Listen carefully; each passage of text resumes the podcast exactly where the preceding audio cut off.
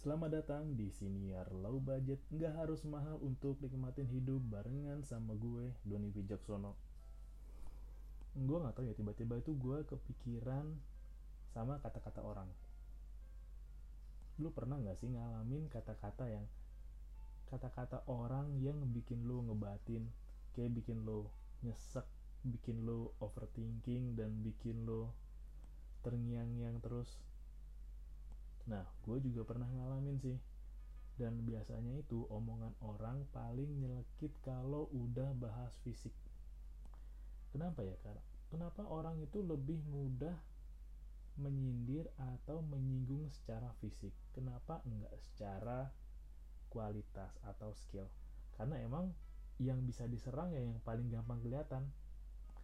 Karena kan kalau lo lagi sebel sama orang, lo lagi pingin bikin orang kalah lah istilahnya ada orang yang bikin emosi lu entah di jalan entah di kelas. Lu pasti pingin nyerang secepat mungkin sampai bikin dia kesal atau bikin dia down. Salah satunya soal ya diserang fisiknya udah fisiknya aja. Diserang ya gendut lah jerawatan lah eh, kulit gelambir lah eh, bulu kaki kayak kecebur got. Ya banyak hal lah pokoknya diserang fisik. Dan emang sih pasti gua dan lu juga pernah ngerasain namanya dikatain pikir ya dikatain orang yang sampai nohok. Kalau gue itu paling sebel kalau dikatain soal fisik. Ya maksud gue kan kalau fisik itu kan bukan hal yang bisa lo request dari lahir ya. Kalau bisa emang enak banget kayak hmm, Tuhan aku ingin dong muka aku ya KW2 nya Tom Cruise lah. Kalau enggak ya mirip-mirip Samuel Rizal lalu dikirimnya bukan kayak Samuel Rizal tapi kayak Samuel Eto'o lagi. Kan emang soal fisik itu nggak bisa lo ganti. Dan apalagi tuh yang paling nyakitin tuh emang kata-kata yang ngejelep dari orang terdekat lo kayaknya gue pernah bahas juga deh kayak anjir kenapa kalau lo deket sama gue terus lo ngatain gue lebih sakit ya? Kalau temen sih ada beberapa yang ya dia mah kalau dikatain biasa aja emang udah cuek udah kebal.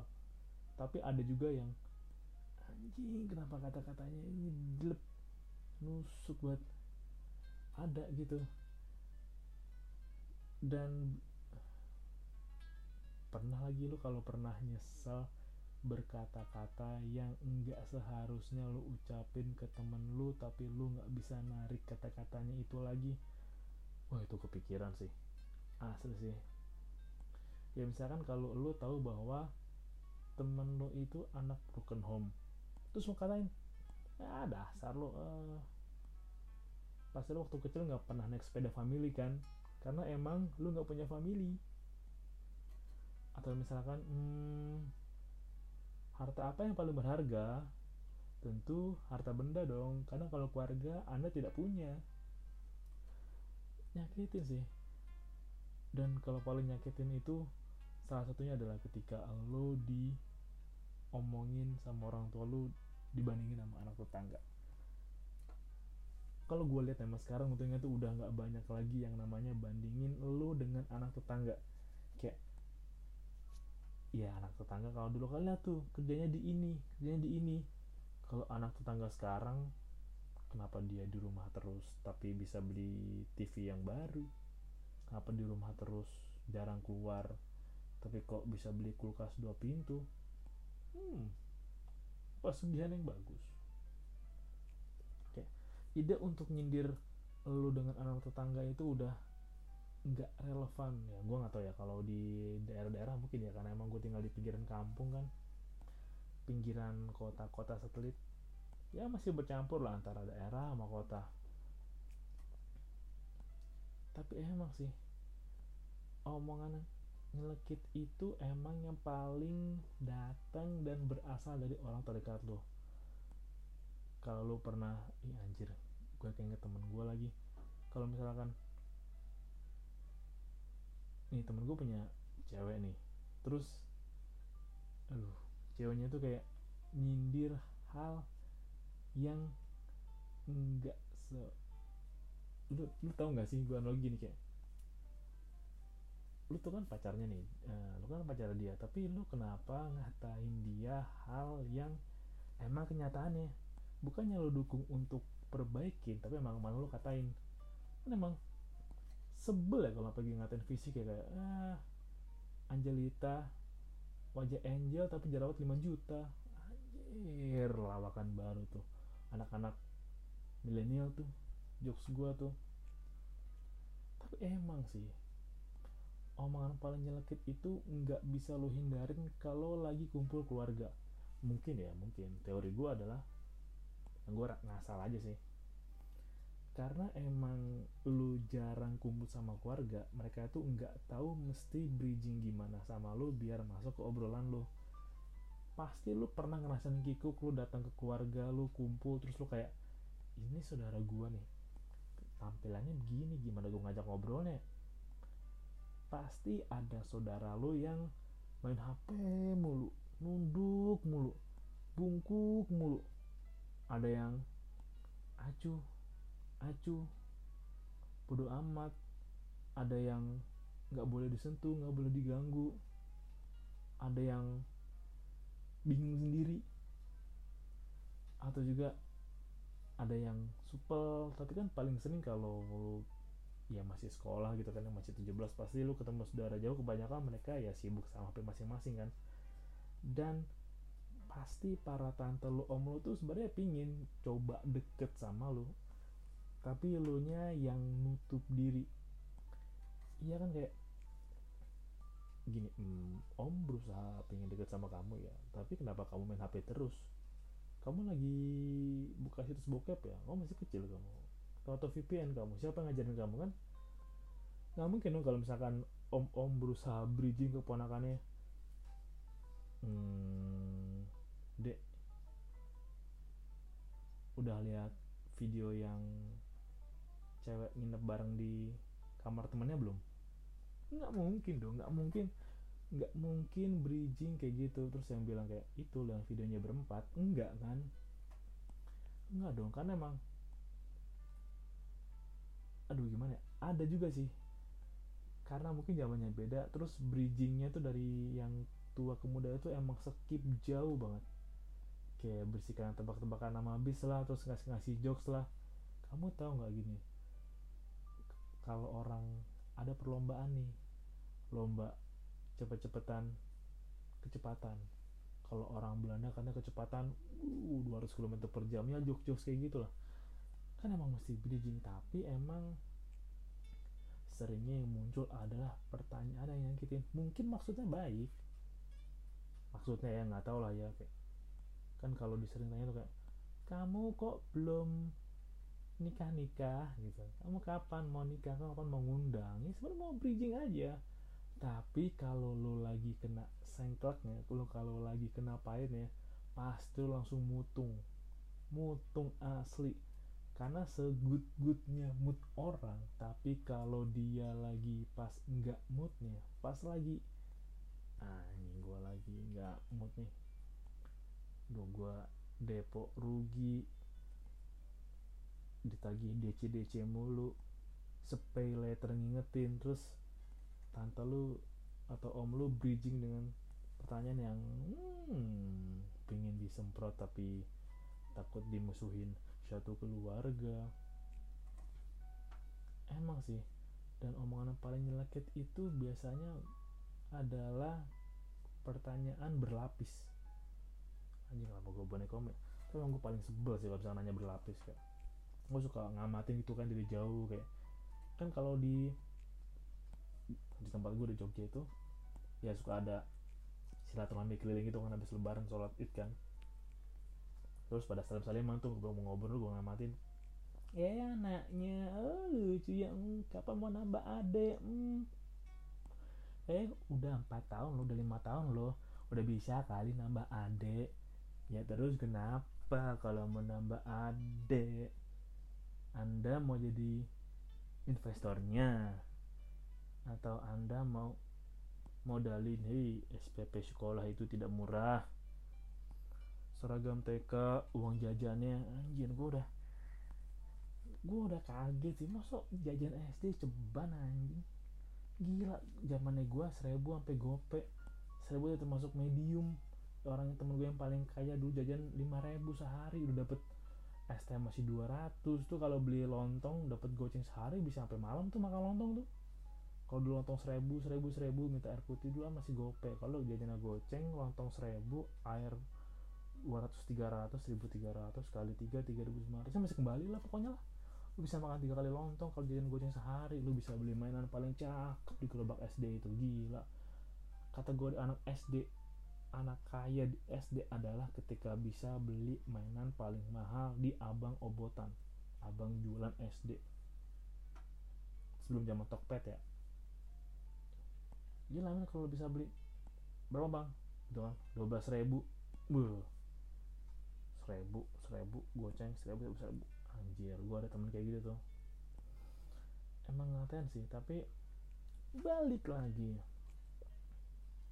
Sejauh ini ya mungkin karena emang gue udah mulai biasa kebal sama omong-omongan yang nyebelin sama kata-kata yang pertanyaannya kayak hmm, sebenarnya maksud lu nggak gitu sih tapi kenapa nyampein lo cara pembawaan lo jelek ya? Udah bisa maklum dan kalau emang lo nerima pertanyaan kayak oh kamu kapan mau sekolah lagi? Katanya S2 lagi ada prom S2 di tempat om lo lagi ada lowongan pekerjaan di tempat tante lo dan lo bener-bener sebel. Ya seharusnya lo udah bisa diemin aja. Berfake fake ya ampun kayak itu tuh omongan lalu omongan lalu aja.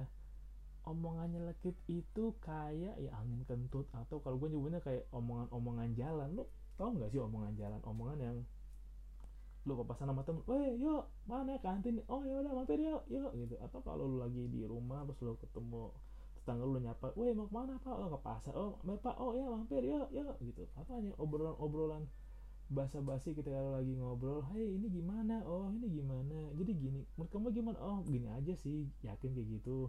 Gimana kalau nggak begini aja? Kayaknya kemarin yang bagus kayak gitu deh. Oh ya, oh oke, okay. aku mau pergi dulu, aku udah ada panggilan nih, sih ya, sih ya, bye bye. Udah omongan kosong hilang gimana ya? Omongan nyelekit itu bakal selalu ada. Dan senyelekit-nyelekitnya omongan pasti akan berasal dari omongan orang terdekat lu. Bersyukur adalah ketika emang lo masih merasa nyelekit ketika dapat omongan yang nusuk. Hmm, gue digambarin gini sih. Lo masih bersyukur orang terdekat lo kayak orang tua lo atau pasangan lo masih ngomong di depan lu langsung. Kayak misalkan anjing lu kalau mau pergi keluar sikat gigi dulu bawa mulut. Ah anjing nggak bawa mulut kok bla bla masih mending yang mengatakan ke lu adalah orang di ring pertama atau orang yang terdekat dengan lu. Coba yang kalau ngomong tetangga lu teman main lu. Waduh itu lebih nyelekit sih. Nyelekit. Jadi kalau katanya nyokap gue mah mending lo yang ngasih tahu lo adalah orang yang benar-benar langsung interaksi sama lo. Coba orang lain udah nyelekit ngejelep malu. Wah tengsin tengsin juga malu sih. Wah rasanya lebih banyak deh. Kayaknya lebih baik tegur orang terdekat lo deh. Bersyukur lo kalau lo ada yang ya berusaha. Hmm, kamu katanya mau sekolah anak kamu di sini. Hmm, gimana? Udah beli mobil lagi belum? Hmm, katanya mau tingkat rumah. Udah kemarin udah sampai tingkat 4 masa mau di tingkat lagi? Sekalian aja bikin apartemen. Meskipun emang caranya jelek ya lo bisa sedikit berbaik sangka kalau itu dia berusaha mencoba mendekatkan diri sama lo. Ya mungkin mendekatkan dirinya bu hmm, tidak ada udang di balik bakwan. Ya suka anjing sih. Deket-deketin ujungnya minjem-minjem uang pokoknya kalau udah intro kayak woi ada namanya woi gimana kabar? Sehat? Sehat. Udah sukses. Uh hmm, udah sukses nih. Sibuk banget nih. Eh iya. Gue mau ngomong nih. Sebentar. Uh, nah itu satu. Terus oke. Woi bro sehat sehat gimana? Oh gimana? Keluarga sehat sehat. Oh kerjaan lancar? Lancar. Hmm, duit aman? Aman. Orang tua sehat? Sehat. Pasangan? Anak udah udah bisa ngomong. Udah oh. Jadi gini bro. Kemarin tuh gue ada musibah sedikit sih ya udah. Udah minjem duit pasti. Hmm, 99% minjem duit satu persen nawarin MLM sebenarnya MLM bagus tapi emang kebanyakan money game di sini. Jadi ya sulit membedakan mana MLM dan money game. Senyelekit-nyelekit omongan adalah omongan yang bisa baik buat lo hmm, mungkin gini sih. Orang yang ketemu lo saat ini orang yang ketemu lo pada saat right now right here right now nggak pernah tahu apa yang pernah terjadi sama lo tapi mereka berusaha nge-reach lo mereka berusaha me, ya mencoba memasukin circle lo dengan pertanyaan yang mungkin enggak banget. Anggap aja itu adalah bagian dari fase hidup. Gue udah mulai bisa berdamai dengan pertanyaan-pertanyaan yang kayak gitu karena ya selagi lu hanya nanya gue akan anggap kosong. Tapi kalau misalkan lu nanya tapi mau masukin dana alias mau investor gue sangat terima pertanyaan lo jadi ya anggap angin kosong lah. Kalau kayak dia donatur dia sponsorshipnya bagus lo kasih pertanyaan dia nanya lo yang jelekit jelekit iyain aja dibikin seneng. Lo masturbasiin egonya lo coliin egonya sampai dia seneng nanya sama lo gitu. Yang penting sponsorshipnya jalan ke lo dan lo dapetin benefitnya.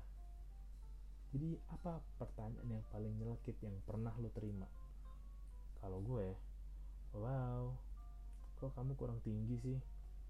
Ya kalau tinggi banget saya jadi pohon kelapa aja mendingan ya kalau mau tinggi banget sih bukan orang Arab. Ya kan? Kok panjang banget? Episodenya ya gitulah anda mesti coba nego dengan pertanyaan-pertanyaan yang menyakit well. Terima kasih udah dengerin dan salam low budget. Nggak harus mahal untuk nikmatin hidup